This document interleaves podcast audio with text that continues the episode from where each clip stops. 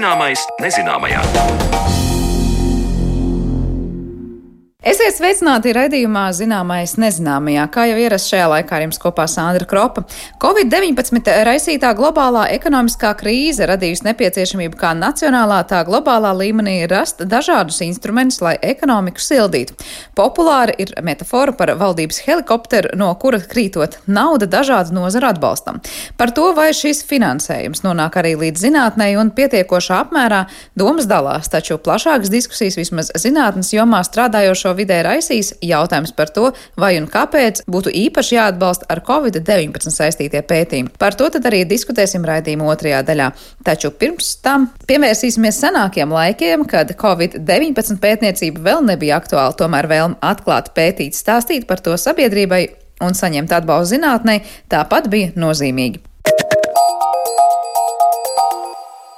Ja palūkojamies uz agrākiem gadsimtiem, ir redzams, ka zinātnes attīstība mūsdienu Latvijas teritorijā notiek uz citu varu un impēriju fona, un tas lielā mērā noteicis, kādā valodā izdotas konkrētās zinātniskās publikācijas un kas finansējas ekspedīcijas. Par zinātnes attīstību laikmetu griežos interesējās mana kolēģe Mariona Baltkalna. Apraksti par etnogrāfiju, vēsturi un dabas zinātnēm mūsdienu Latvijas teritorijā sākušies Krievijas impērijas laikos, kad lielu lomu spēlē vācu-baltieši. Nelielā ceļojumā laikā vispirms dodos kopā ar Latvijas Universitātes muzeja krājuma glabātāju Māri Rudzīti, un viņš stāsta, ka Latvijas teritorijas pētījumus sāk skaitīt ar 1791. gadu. Jakobs Benjamins Fišers, Zviedru zinātnieka Kārļa Linneja skolnieks saraksta grāmatu ar nosaukumu Natūrgie šihta. Tā ir grāmata par dabas stāstiem, kurā ir aprakstīta visa vidzemes daba. Viņš pēc Linneja principiem, pēc binārās nomenklatūras bija aprakstījis augu, dzīvnieku un minerālu valsti. Bija Hupels, kurš veids tā saucamo geogrāfisko aprakstu arī ap to pašu laiku. Un bija vecais stenders, viņš rakstīja arī latviski ap to pašu laiku. Nu, jāsaka, arī tie agrīnie latvieši, agrīnie latviešu cilmes zinātnieki, nu, geologs Brēvings, kurš it kā kādreiz bijis uzvārdā Krieviņš vai kaut kā līdzīgi, jā. Nu, viņi jau vāciskojās, jo tik un tā tā zinātniskā vide šajā laikā un Latvijā bija vāciska. Tur arī bija tie cilvēki, protams, ka viņi vācu valodā varēja precīzāk izteikties. Droši vien vācu valodā bija mācījušies, un viņiem gan domāšana, gan termini aptrūkās latviski. Un Fišers raksta arī latviešu valodā, vai tie tas viņa izdevums? Fišers vāciski? Latviešu valodā viņam grāmatas ir vācu valodā, bet viņš piemin, ka šos zvērus sauc vietējie. Tur, kur viņš ir to nosaukumu dabūjis zināt, jā. Šie te abi, ko es te pieminēju, Stenders un Fischers, starp citu, ir gan vācieši, Baltijas vācieši, bet viņi neviens ne otrs nav ar to fonu, viņi nav muiznieku kārtas. Fischers ir aptiečnieks, nu tas tāds diezgan cienījams amats, pie tam vairākās paudzēs lauvas aptiek ir šo Fischeru īpašumā, un Stenders ir mācītājs, tāpat kā viņa tēvs un dēls. Stendera tā augstas gudrības grāmata, viņa jau iznāca arī daudzos izdevumos. Tur par daudzām dabas lietām latviski izklāstīts, un līdz ar to arī pirmo reizi parādās šo terminu lietošanu. Un otrs tāds pats agrīnais zinātnes latviskotājs bija mācītājs Kavals, kurš dzīvoja tur puzē, netālu no Ventspils. Un viņš ir izdevis grāmatu par tām dieva radībām. Ļoti bagātība ilustrēta ar augu dzīvnieku un minerālu bildēm, ap, ap 300 bildes un apraksti. Johans Heinrichs Kavals daudz rakstījis arī izdevumam Latviešu avīzes, kas iznācis Jelgavā. Tajā iekļauts ap 200 kavala rakstu par ziemeļblāzmu, vaļiem, kukaiņiem, vulkāniem un citām parādībām, lietojot latviešu valodu. Vēl līdztekus Fischeram, Upelim, Stenderam un Kavalam svarīgi pieminēt ārstu Nikolausu von Himzeli, kurš bijis arī liels ceļotājs un no viņa veidotās dabas zinātnisko un mākslas priekšmetu kolekcijas vēlāk izveidots publisks muzejs, šobrīd Rīgas vēstures un kuģniecības muzejs. Bet, ja mūsdienās zinātnieki finansējumu lielā mērā saņem no projektu konkursiem, kā tad ir sanāk? Viena lieta ir mode, kad paši dišciltīgie piekop zinātnisko darbību, un te jāmin grāfa Mihaila Fonderborha sajūtu dārs Varakļānos. Bet jāsaka, ka liela nozīme bijusi arī organizācijām. Piemēram, Sanktpēterburgā darbojās Ķeizariskā akadēmija, kurai mūsdienu valodā izsakoties bija savi projekti. Veidojās arī Rīgas dabas pētnieku un citas biedrības, un tajās darbojās sabiedrībā pazīstami cilvēki ar ietekmi varas un naudas aprindās. Nereti zinātnieki šādiem labvēliem izdevumos izteica arī pateicības. Fišera grāmatā aiz titula lapas saka, uz vienas lapas ar ļoti lieliem burtiem rakstīts liela pateicība kolēģijas asesoram Bērentam. Es nezinu, par ko tā pateicība. Viņš ir sekmējis vai, jā, vai nav licis šķēršļus vai viņš ir devis līdzekļus, vai atļāvis izmantot savu karieti, kas to zina, kā tas ir bijis. Bet nu, tā ir. Nu, dažiem, dažām grāmatām ir diezgan liela pateicība visiem tur ķēniņiem un tā tālāk. Jā. Krājuma glabātājs piemina arī ekspedīcijas, kurās 19. un 20. gadsimta sākuma pētnieki devušies bieži vien ar cara atbalstu. Viens no tiem ir Aleksandrs Kaizerlings no Kabilas muižiņas, kurš patiešām bijis muižnieks. Divās ekspedīcijās kopā ar citu zemju zinātniekiem Kaizerlings devies ģeoloģiskos pētījumos uz Pečoras zemi. Viņi izstaigāja un izbraukāja ar karietēm līdz Urāliem. Eiropu viņi bija redzējuši, bet tagad viņi izbrauca visu Krieviju, sākot ar Poliju, Latviju un, un tā līdz Urāliem un atpakaļ. Un līdz ar to izveidojās skaidrs priekšstats, ka tur tie zemes slāņi ir izvietojušies visā Eiropā un kādas tur ir sakarības. Vēl viens, kā saka, bija Tols, parasti teica barons Fontols, viņš kartēja Latvijā ģeoloģisko daļu ap lielu. Nu, viņam bija tā apsēstā ideja, ka vajag atrast tā saucamo Saņņikova zemi, respektīvi hipotētisku zemi, starp sauszemi un polu. Nu, viņš devās, sarīkoja ekspedīciju, savāca naudu, savāca līdzekļus no dažādām biedrībām, iesaistīja prominentas personas. Līdz Jaunsibīrijas salām viņš trīs gadu laikā tika, bet viņš pazuda. Un tas bija 1902. gads. Tā kā viņi pavadīja ar lielu pompu un gavilēm, jā, kā viņš dodās atrast, atklāt jaunas zemes tā viņi visi jutās baigi vainīgie, ka nav atgriezies. Jā. Komanda atgriezās, bet uh, četri cilvēki palika tā arī neatrasti. 19. gadsimta otrajā pusē Krievijas impērija tiecas līdzināties Rietuma Eiropas valstīm un uzsākt modernizāciju. Līdz ar augstskolu izveidošanu zinātne tiek pacelta jaunā līmenī, īpaši, ja runa ir par tehnisko specializāciju. 1862. gadā tiek dibināta izteikti multinacionāla augstskola Rīgas Politehnikums. Par šo stāstu turpina Latvijas Universitātes muzeja krājuma glabātājs Rudolfs Rubenis. Politehnikums rodas laikā, kad Rīgas eh, pilsēta 19. Eh, gadsimta otrā pusē pēc Krimas kara pieredz um, ekonomisku izaugsmu. Tajā laikā Eiropā ir industriālā uh, revolūcija, rūpniecības apvērsums, un šis rūpniecības apvērsums arī veicina pašas pilsētas um, attīstību. Un, lai šo pilsētu teikt attīstītos, ir nepieciešams nepieciešami ir tehniskie speciālisti, arhitekti, inženieri, mehāniķi. Tāpēc arī radās tā ideja par Rīgas politehniku. Jāņem vērā, ka Rīgas politehnikumā sāk uzņemt uh, jebkuru studentu, neatkarīgi no tautības, neatkarīgi no viņa kārtas, un arī neatkarīgi arī pēc viņa sociālā stāvokļa. Un sākumā politehnikuma mācību spēki tie ir vācieši, tā kā no šīm vāciski runājušām zemēm. Politehniku 1896. gadā reorganizēja par Rīgas Politehnisko institūtu. Tas kļūst par Krievijas impērijas valdības augstskolu, ko finansē Finanšu ministrija, Finanšu ministra Sergeja Vitas vadībā. Un arī tur mācības notiek krieviski. Notiek pārējais uz krievu valodu, kā mācību valodu, bet tomēr mācību spēki paliek vācu baltieši. Protams, arī vēl ir mācību spēki, ir latvieši no vidzemes, no tās Baltijas un arī sevišķi no Terbetas universitātes. Nu, sevišķi pētījumi jau ir ķīmijas nozarē. Jo, piemēram, Vilhelms Ostvalds, viņš bija Nobela prēmijas laureāts, ka viņš atklāja molu ķīmijas nozarē. Un, protams, arī ir viņa students Pauls Valdens. Viņš iegūst starptautisku atzinību un brauc uz ārzemēm. Un ārzemēs arī tur uzstājās konferencēs, un arī pat ir ārzemju akadēmisko organizāciju loceklis. Bet Krievijas impērijas kontrole un arī vācietība pakāpeniski tiek demontēta, nodibinoties Latvijas Universitātei 1919. gadā, kad mācības sākas latviešu valodā. Tas paver ceļu gan latviešu zinātniekiem, un arī finansētāji zinātnē ir citi. Ežens Lauba arhitekts, viņš projektē daudz sēks, kā piemēram viņš ir projektējis ķemeru sanatoriju, un pat arī viņš piedalījās konkursā uz brīvības pieminiektu, bet viņa konkursu prota, noraidīja, jo tāpēc, kad viņa teiktas projekts par brīvības pieminiektu neatbild nacionālās varonības koncepcijai, bet atbilda gan nacionālās pieminiektu koncepcijai.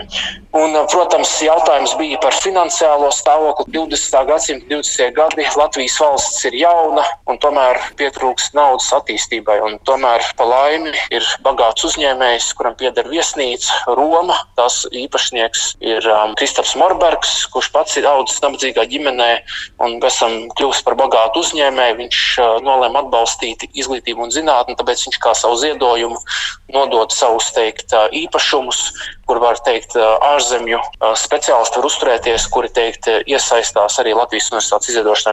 Laiki atkal mainās, un prezidents Kārlis Ulmanis, pats būdams agronoms un atbalstīdams lauksaimniecības attīstību, savas varas gados no Latvijas universitātes nošķir lauksaimniecības fakultāti Jelgavā, bet padomju periodā no Latvijas universitātes tiek nošķirta gan medicīna, nodibinot Rīgas medicīnas institūtu, gan tehniskās fakultātes, izveidojot Arvīda Pelšas Rīgas Politehnisko Zinātnisko institūtu. Tā bija Padomju Savienības komunistiskās partijas um, inspirēta politika, kad notika akadēmiskās vidas teikt, sadrumstalošana, lai tiktu nostiprināta komunistiskās partijas varas vertikāli.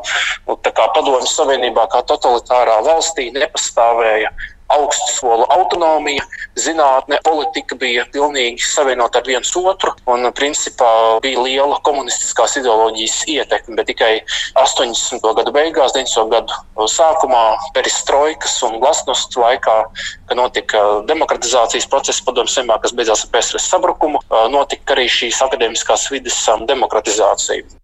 Par zinātnes attīstību Latvijā dažādu varu politikas un augstskolu kontekstā stāstīja Latvijas Universitātes muzeja krājuma glabātāji Māris Rudzīts un Rudolfs Rubens, un ar viņiem sarunājās Mariona Baltkalna.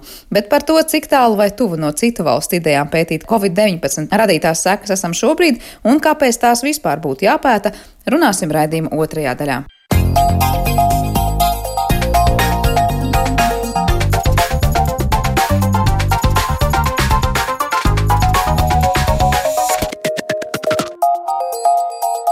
Zināmais nezināmajā. Rēdījuma turpinājumā solītā diskusija par to, vai un kā Covid-19 raisītā pandēmija ietekmē atbalstu dažādiem zinātnes projektiem Latvijā. Kā pieejamo finansējumu Covid-19 seku mazināšanai sadalīt pēc iespējas mērķiecīgāk un vai papildus pieejamais finansējums zinātnē tieši Covid-19 seku mazināšanai nenozīmē, ka citi pētījumi virzieni var palikt neatbalstīti. Lai par to visu runātu tādā plašā pulciņā, esam kopā sanākuši šajā platformā un mēs šeit esam kopā ar Latvijas zinātnes padomus priekšsēdētāju un Latvijas biomedicīnas pētījumu un studiju centra direktoru Jānu Kloviņu. Tāpat arī Latvijas Universitātes fizikas, matemātikas un optometrijas fakultātes fizikas nodaļas vadītāju un Latvijas jauno zinātnieku apvienības biedru Gunteru Kitenbergu. Arī antropoloģija un Latvijas Universitātes ekonomikas un vadības fakultātes pētniece Agnese Cimdiņa ir mums kopā un Izglītības un zinātnes ministrijas augstākās izglītības zinātnes un inovāciju departamenta direktors un valsts sekretāra vietnieks Dmitrijs Stepanovs. Labdien jums visiem! Labdien! Labdien. Labdien! Labdien. Varbūt vispirms lūkšu Dmitrijam ieskicēt, kāda tad ir šī brīža situācija. Mēs tik pa laikam dzirdam, ka plānots piešķirt 5 miljonus, uz kuriem tad varēs tātad pretendēt Latvijas zinātnieki un pētīt ar Covid-19 saistīto seku mazināšanas dažādos aspektus. Es saprotu, ka šobrīd tā kā tas ir apstiprināts, nauda ir piešķirta. Un tagad eh, mēs meklējam un aicinam zinātniekus pieteikties uz, šiem, eh, uz šo finansējumu, vai nu, kāds ir tas šī brīža stāvoklis? Jā, paldies par jautājumu. Tieši tā valdība ir apstiprinājusi valsts pētījumu programmu eh, Covid seku mazināšanai. Eh, programma tiks īstenota trijās eh, jomās, un pāris nedēļas atpakaļ valdība ir arī apstiprinājusi programmas mērķi un uzdevumus. Tas nozīmē, ka šobrīd sagatavošanā ir projektu konkursa nolikums. Mēs sagaidām, ka viņš jau būs sagatavots un apstiprināts šonadēļ, un, un attiecīgi divu nedēļu, divu, trīs nedēļu laikā zinātnieki varēs pieteikties ar saviem projektiem. Tā tātad ir šī viena pētījuma programma, bet arī postdoktorantūras programmā es saprotu, kaut kāda mm, šī gada nauda vai papildus nauda ir piešķirta konkrētiem pēcdoktorantūras projektiem un pētījumiem, kas būs saistīti ar Covid-19. Jā, attiecībā uz e, pēcdoktorantūras programmu mēs e, arī šajā 20. E, gada projektu uzsaukumā ļaujam visiem pēcdoktorantiem pieteikties savās tematikās, taču pie projekta ietekmes vērtēšanas eksperti var papildus ar plusu novērtēt tos projektus, kuri būs tieši saistīti ar Covid-19. Jo viens no projekta vērtēšanas trīs pamatkritērijiem, protams, ir projekta ietekme un aktualitāte. Un skaidrs, ka Covid-19 šobrīd ir aktuāla tēma. Kas tālāk, es saprotu, nodrošina to izvērtēšanu, tā ir Latvijas zinātnes padome. Ja? Tad man Jānim Kloviņam jautājums, kā tālāk notiek tā virzība un kas nonāk līdz jums kā zinātnes padomē? Jā, te gan jāpiezīmē, ka Latvijas zinātnes padome vismaz pašlaik nodrošina vērtēšanu tieši valsts pētījuma programmai, nevis postdoktoru grantu.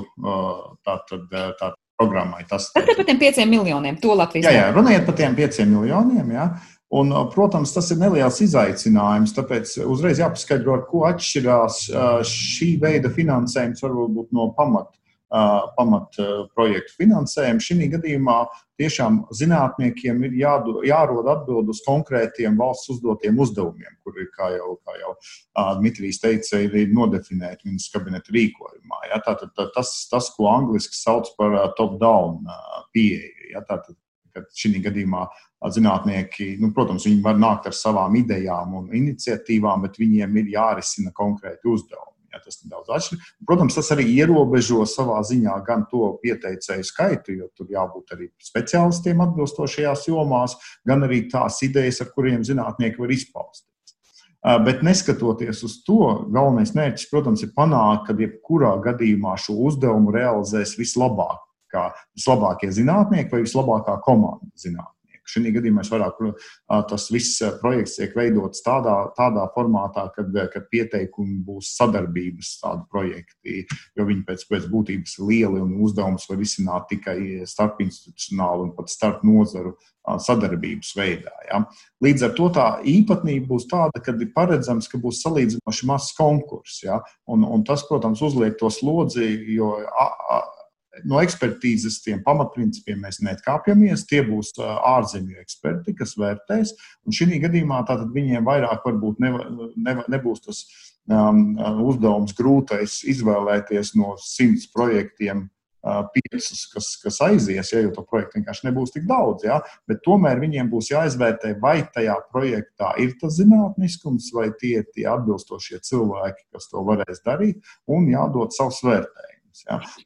PēcĪbas konkursā būs salīdzinoši, es pieļauju, maz, bet, bet, bet tomēr eh, ārzemju ekspertiem būs jāvērtē rūpīgi šie ierosinājumi, kā uzdevums risināt. Bet sanāk, tikai ārzemju eksperti būs tie, kas lems par to, kuram tad uh, institūtam vai laboratorijai vai zinātnes centram piešķirt to naudu vai nē. nē.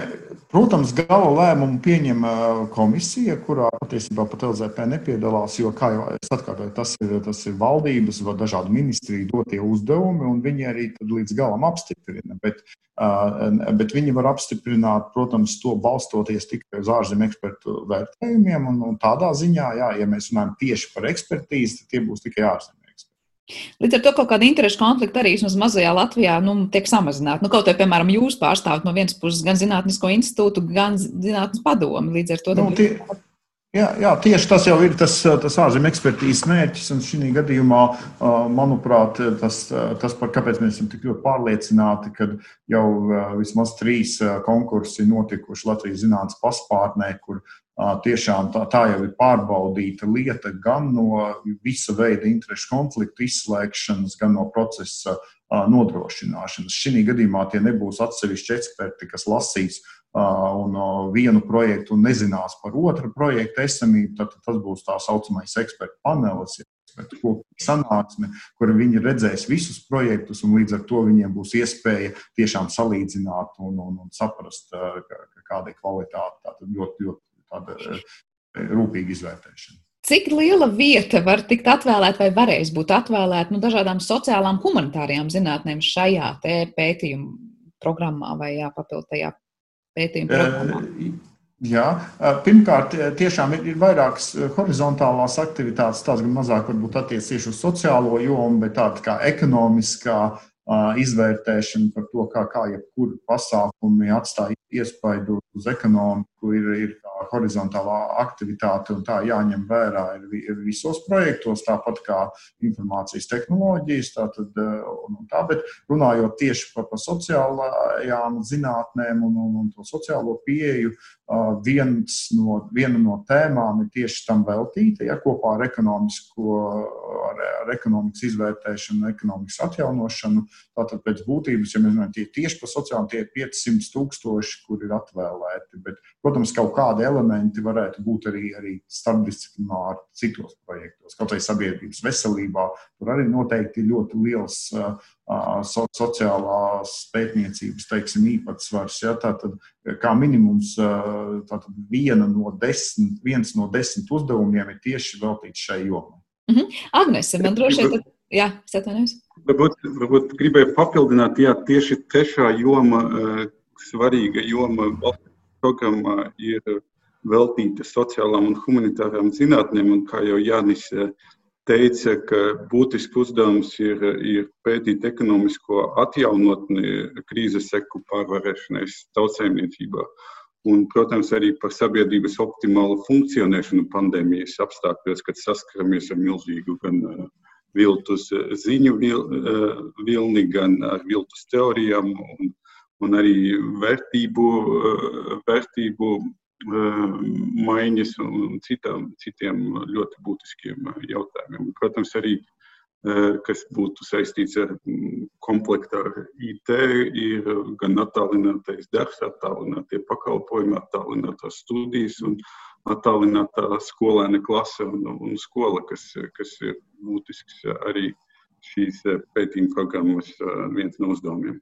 Mhm, paldies. Agnesē, droši vien ir ko teikt, vai tas, ko tikko dzirdējām, ir pietiekoša platforma, lai tās sociālās humanitārās zinātnes kaut vai Covid kontekstā tiktu pārstāvēts? Nu, es neesmu teikt, iedzinājusies tieši šajās tematiskajās uh, apakšgrupās, ja tā varētu teikt. Uh, bet, ja tā ir teiksim, viena desmitā daļa, uh, varbūt es pārpratu, bet tas ir tas, ko es dzirdēju, tomēr, manuprāt, tas nav daudz. Jo, jo cilvēks, īpaši, ja mēs runājam šajā pandēmijas kontekstā, ja, vai, vai vispār veselības kontekstā, tad cilvēks jau nav tikai fizisks ķermenis, ja, vai baktērija vai vīrusu pārnēsātājs. Cilvēki ir primāri sociāls būtnes, un šī krīze ir absolūti lielākā sabiedrības daļā izpaužas nu, sociokulturāli, ekonomiski, psiholoģiski. Ja mēs kaut kā paskatāmies uz cipariem, piemēram, ja Latvijā ir 2 miljoni iedzīvotāji aptuveni, tad apmēram vairāk nedaudz kā tūkstots cilvēkiem ir reģistrēta šī saslimšana. Uh, un arī, ja mēs skatāmies globāli, tad ne jau pats vīrus kā tāds ietekmē vairumu cilvēku dzīves, bet tieši tas, kā cilvēku un institūcijas reaģē uz šo vīrusu. Un, Līdz ar to šī pandēmijas klātbūtne nozīmē ne tikai veselības aizsardzības un veselības aprūpas krīzi, bet arī ekoloģijas, ekonomikas, globālisma, robežu, mobilitātes, kultūras un pat, un pat identitātes krīzi. Kas un kādi mēs esam, kādi vēlamies būt, kam jūtamies piederīgi, kādu statusu zaudējam. Jo ikdienas sastopoties ar šiem nu, jauniem ierobežojumiem, aktualizēs jautājumi, kas ir visciešākā veidā saistīti gan ar cilvēku iztiku un drošību, gan ar valsts pārvaldi, kas vispār mums ir valsts, ja?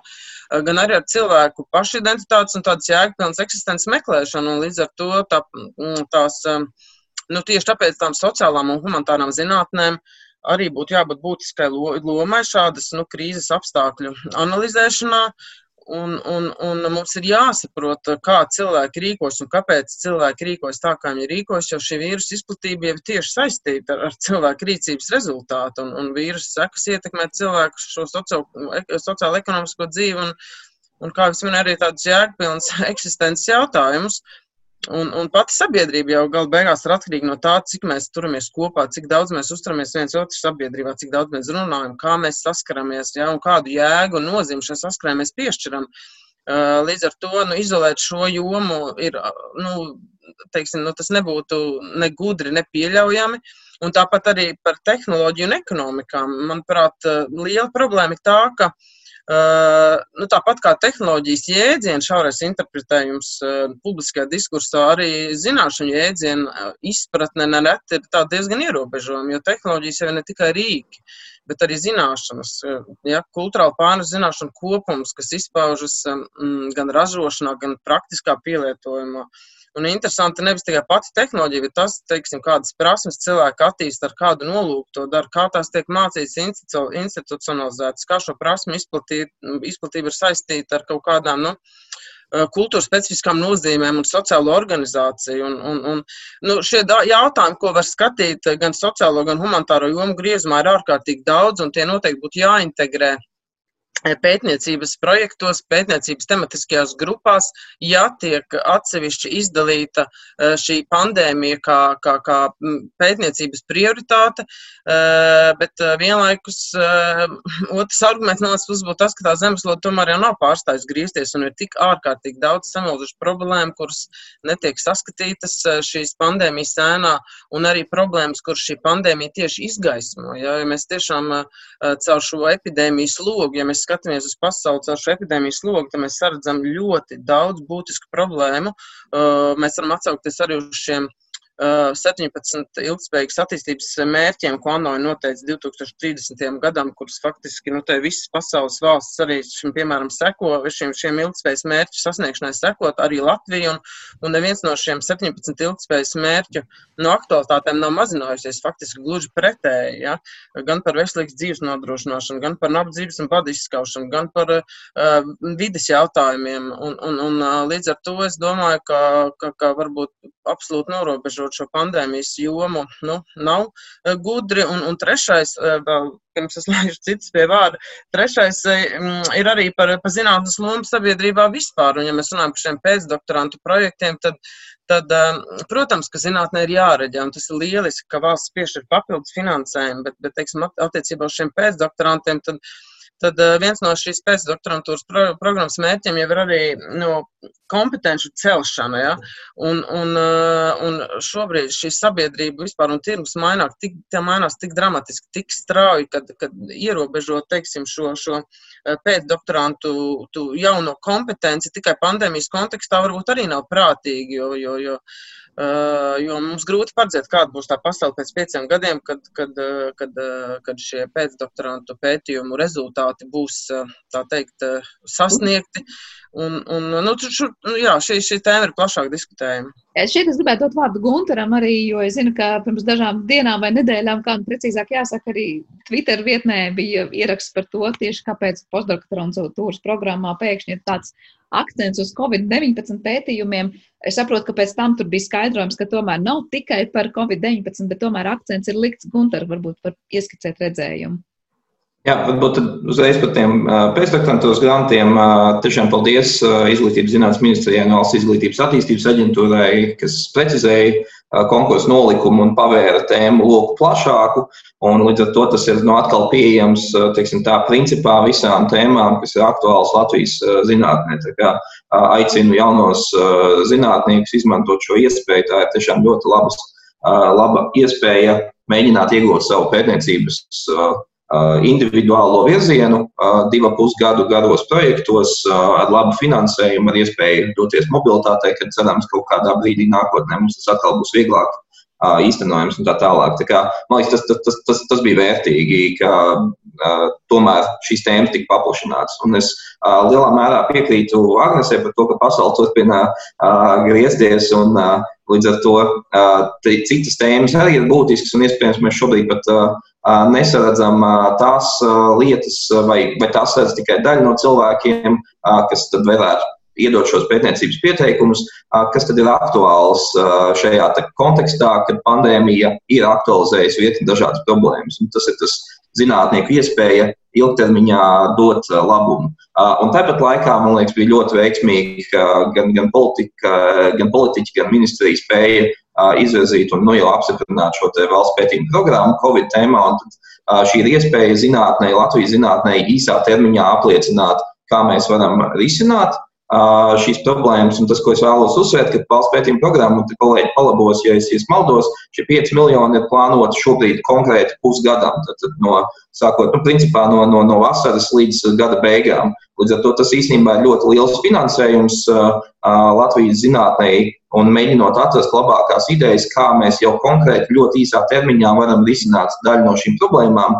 Skaidrs, ka virkni no šiem jautājumiem ir risinām ilgākā laikā, gan dažādu jaunu zāļu izstrādi vai, vai kaut kādu jaunu pieeju šāda veida uh, vīrusu uh, identificēšanai, vai diagnostikai, vai, vai, vai ārstēšanai, uh, kuram būs vajadzīgs ilgāks termiņš. Un tāpēc es ceru, ka arī nākamajā gadā šī valsts pētījuma programma kaut kādā apmērā turpināsies, noteikti izvērtējot rezultātus, uh, kas, kas, kas, kas tad ir veicies. Es teiktu, ka šīs abas lietas ir svarīgas, un skaidrs, ka tas līdzsvars ir tā lieta, par ko mēs savā ziņā diskutējam, par to, cik ir svarīga šī Covid tēma šobrīd un ātri risinājumi, ko mēs varam, tā ilgtermiņa ietekme šai lietai un savukārt virkni citu problēmu zinātnē, kas joprojām ir ļoti aktuāls un, un palīdzēs mums ilgtermiņā iespējams, jā, ko mēs šobrīd nenovērtējam. Droši vien te ir kungiem arī un dāmai, ko komentēt, bet pirms tam, Gunter, man vēl papildu jautājums. Tad sanāk tā, ka Postdoktorantūras programmā šobrīd ir aicināti pieteikties pilnīgi visi, bet tas akcents tāpat un prioritāte būs ar Covid-19 saistītiem pētījumiem. Cik liela ir varbūtība, ka pētnieki, kas piesakās pilnīgi citās jomās, ar Covid nesaistītās jomās, patiešām nevis ķeksīšu pēc ir tagad pārstāvēt tur, bet viņi patiešām varēs to savu finansējumu dabūt, jo prioritāra joma jau viņiem nav. Vai ir kaut kāds procentuāls sadalījums, kas pateiks, nē, tur tik un tik procentu vienalga būs pētījumiem saistībā vienalga ar kaut ko pilnīgi citu? Tad šobrīd nolikuma versijā nav nodalīts finansējums vienai un otrai tēmai, tātad Covid-19 un citām, kas man šķiet ir laba lieta, jo ir ļoti grūti prognozēt, kādas idejas ienāks prātā cilvēkiem. Ja valsts pētījuma programmā ir vieglāk to pasūtījumu teikt, ka reku to mums vajag un tagad uh, dodiet, tad šajā gadījumā, kad cilvēki paši piesaka tēmas, ir ļoti grūti to prognozēt. Līdz ar to, manuprāt, tas risinājums, ka ir neliela ietekmes punktu bonus iespējams tiem projektiem, kas saistās ar aktuālāko problēmu ar šo pandēmijas tematiku. Tas nav slikti. Un, ja apskatās nolikumā un sarēķina, negribu samalot, bet, manuprāt, tā procentuālā atšķirība starp maksimāliem punktiem ir ap 5%, kas, zinot šī konkursa iepriekšējā reižu rezultātus, nav izšķiroši. Tā kā, principā, jebkuram, kas sagatavo ļoti labu projektu pieteikumu, ir iespēja iegūt šo finansējumu. Mhm. Vai Dmitrijam, Jānim, Agnesē ir kas, ko piebilst pie tikko teiktā un kas izskanēja par šo finansējumu gan vienā, gan otrā programmā?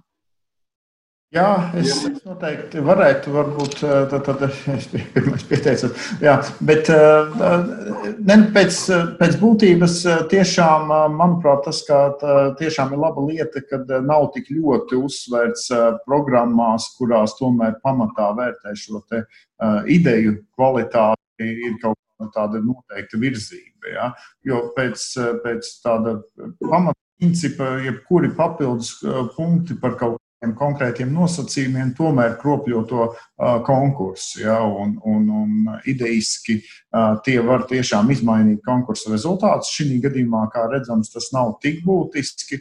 Un, un pēc būtības, protams, labāk ir šādus atvērtos konkursus pēc iespējas mazāk apgrūtināt ar dažādiem nosacījumiem. Kaut vai tāpēc, ka katrs zinātnieks jau arī nu, nav jau tik dumšs, lai nesaprostu, ka, kas ir aktualitāte. Un, un, un ja, ja vien katram cilvēkam ir iespēja teiksim, kaut ko izdarīt Covid daļai, teiksim, šajā labā, tad, tad viņš arī to arī mēģinās izdarīt ar savu ieteikumu. Nu, es vairāk biju domājis tādu teorētiskās fizikas pētījumu, piemēram, nu, viņiem ir tagad vieta kaut kur un izredzes tikt apstiprinātiem. Es domāju, ka noteikti, bet atkal, teiksim, ja mums būtu ļoti stiprs konkurss šajā postdoktorantu konkursā, jā, tad es domāju, ka arī, arī šie nelielie punktiem būtu ļoti liela ietekme. Šeit tas pozitīvais ir tas, kas spriežot tiešām pēc, pēc, pēc iepriekšējiem konkursiem. Tur šajā, šajā konkursā ir salīdzinoši liela daļa no pieteicējiem, pozitīvi novērtētājiem, lielākā daļa dabū šos grantus. Ja? Līdz ar to es tiešām domāju, ka tādā ziņā tur nav, nav tāda liela selektivitāte, lai gan kā, kā principu lieta, es domāju, tāda, tāda speciāla virzība. Jebkurā virzienā nav, nav pārāk laba priekš tiem zinātnieku ideju realizētājiem grantiem. Hmm, paldies! Vēl kāds gribēja ko piebilst, vai es varu virzīties tālāk ar nākamo jautājumu? Es, es, es Es gribēju piebilst, eh, protams, eh, kā jau eh, Gunārs precīzi aprēķināja, ietekme 5% ir salīdzinoši ļoti neliela. Ja, ja kvalitātes slieksnis ir, ir 60% un 5%, var, var, var teikt, ka tā nav, tā nav liela starpība. Bet, uh, Attiecībā uz teorētisko fiziku es gribēju arī informēt, ka ir šobrīd arī konkurss uz um, citu valsts pētījumu programmu, kas ir veltīta daļiņu fizikai un pātrinātāju tehnoloģijām, kas domāta, lai uh, uzlabotu un intensificētu sadarbību ar Eiropas kodolpētījumu centru CERN. Tad, tad šajā programmā es domāju, ka tieši tādi speciālisti, kas, kas teorētiskajā fizikā specializējas, tur, tur būtu laba iespēja piedalīties. Nu, tā kā ir iespējas eh, citās programmās. Man ir divi tādi pamati jautājumi būs atlikušajām desmit minūtēm šajā sarunā.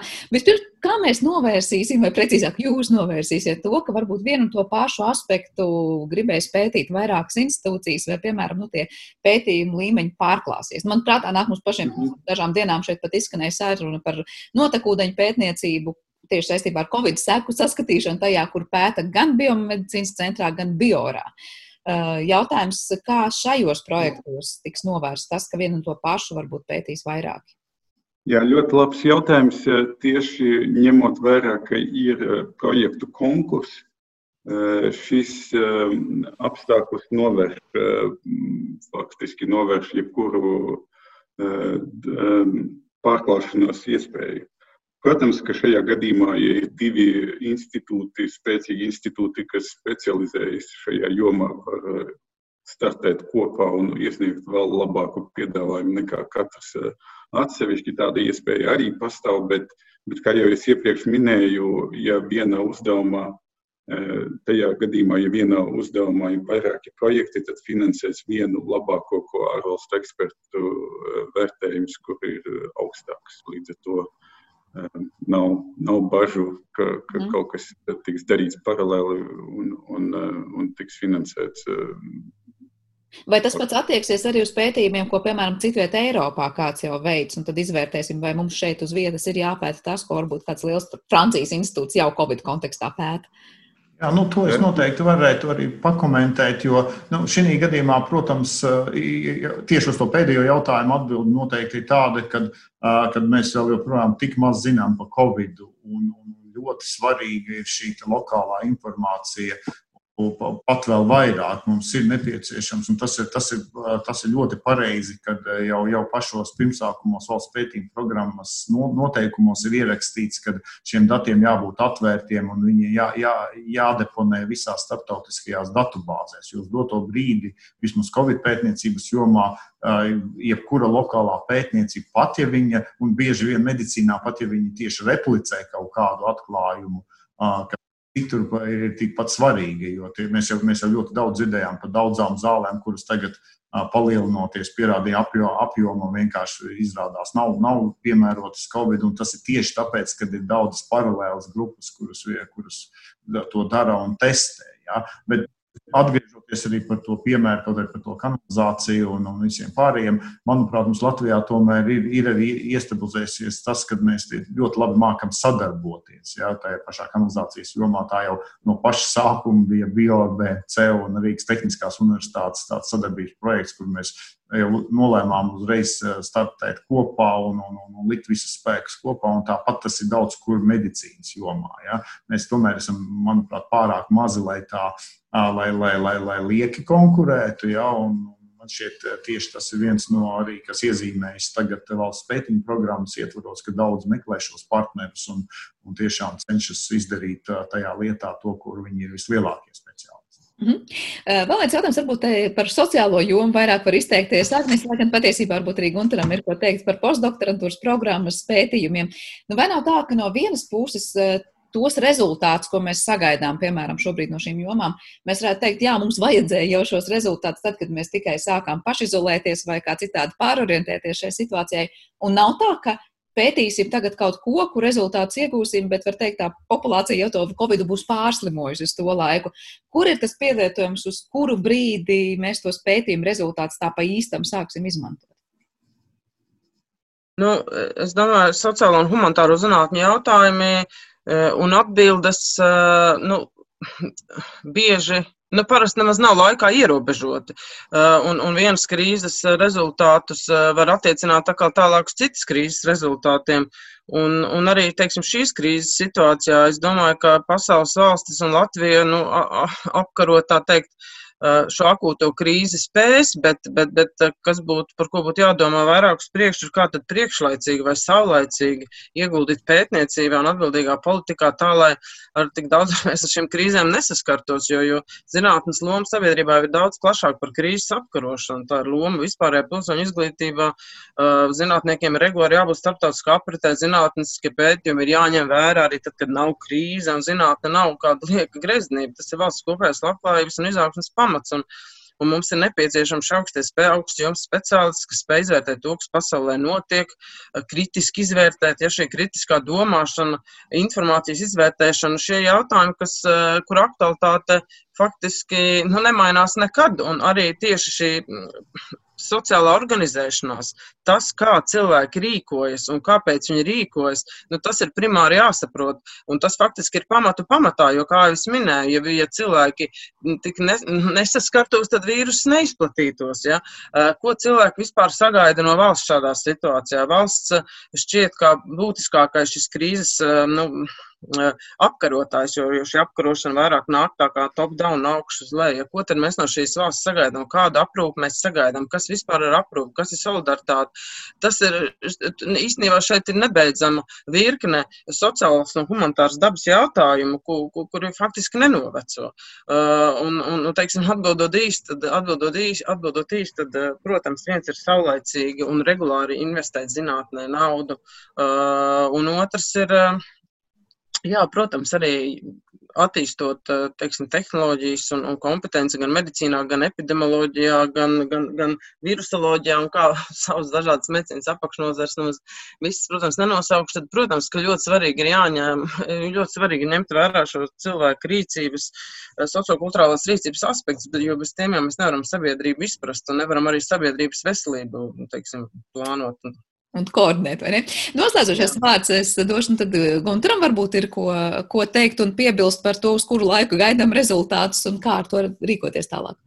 Man šeit Agnēs jau veiksmīgi iezīmē, ka izaicinājumi ir aktuāli, būs aktuāli arī nākamajām krīzēm un arī tādā ilgākā laika perspektīvā. Tāpēc man tādā pēcdoktorantos grantiem ir acīm redzami, ka tam projektam ir jābūt virzītam tādā ilgākā laikā. Protams, ir iespēja, ka kaut kāda daļa rezultātu nāk uzreiz, jo šī projekta laikā viņi var tikt izmantot. Un tāpat laikā, ja ir kādas idejas zinātniekiem, kā īstermiņā sasniegt rezultātus, tad valsts pētījuma programma ir tas labākais veids. Ja, tad, tad, manuprāt, tas ir, tas ir tā vērts. Un varbūt viena lieta, kas bija iepriekš jautājums par to, kā nedublēt ar pētījumu tematiem.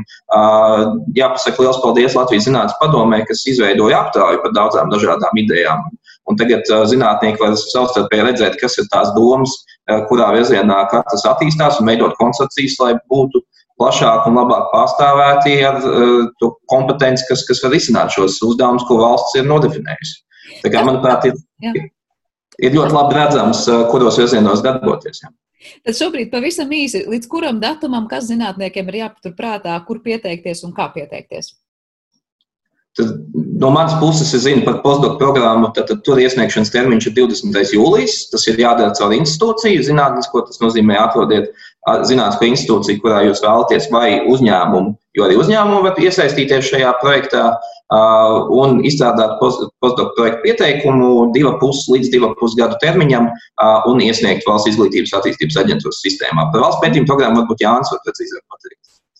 Jā, diemžēl ļoti precīzi es pagaidām vēl nevaru pateikt, bet, kā jau Dmitrijs teica, tad uh, nolikums ir tuvu uh, pie, pie, pie tādas gatavības, un uh, nav nekādas arī kavēšanās, tiklīdz nolikums tiks apstiprināts, konkurss tiks izsludināts.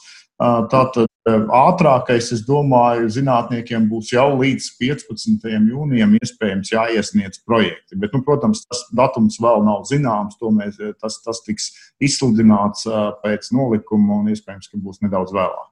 Skaidrs, tā kā sekosim līdz informācijai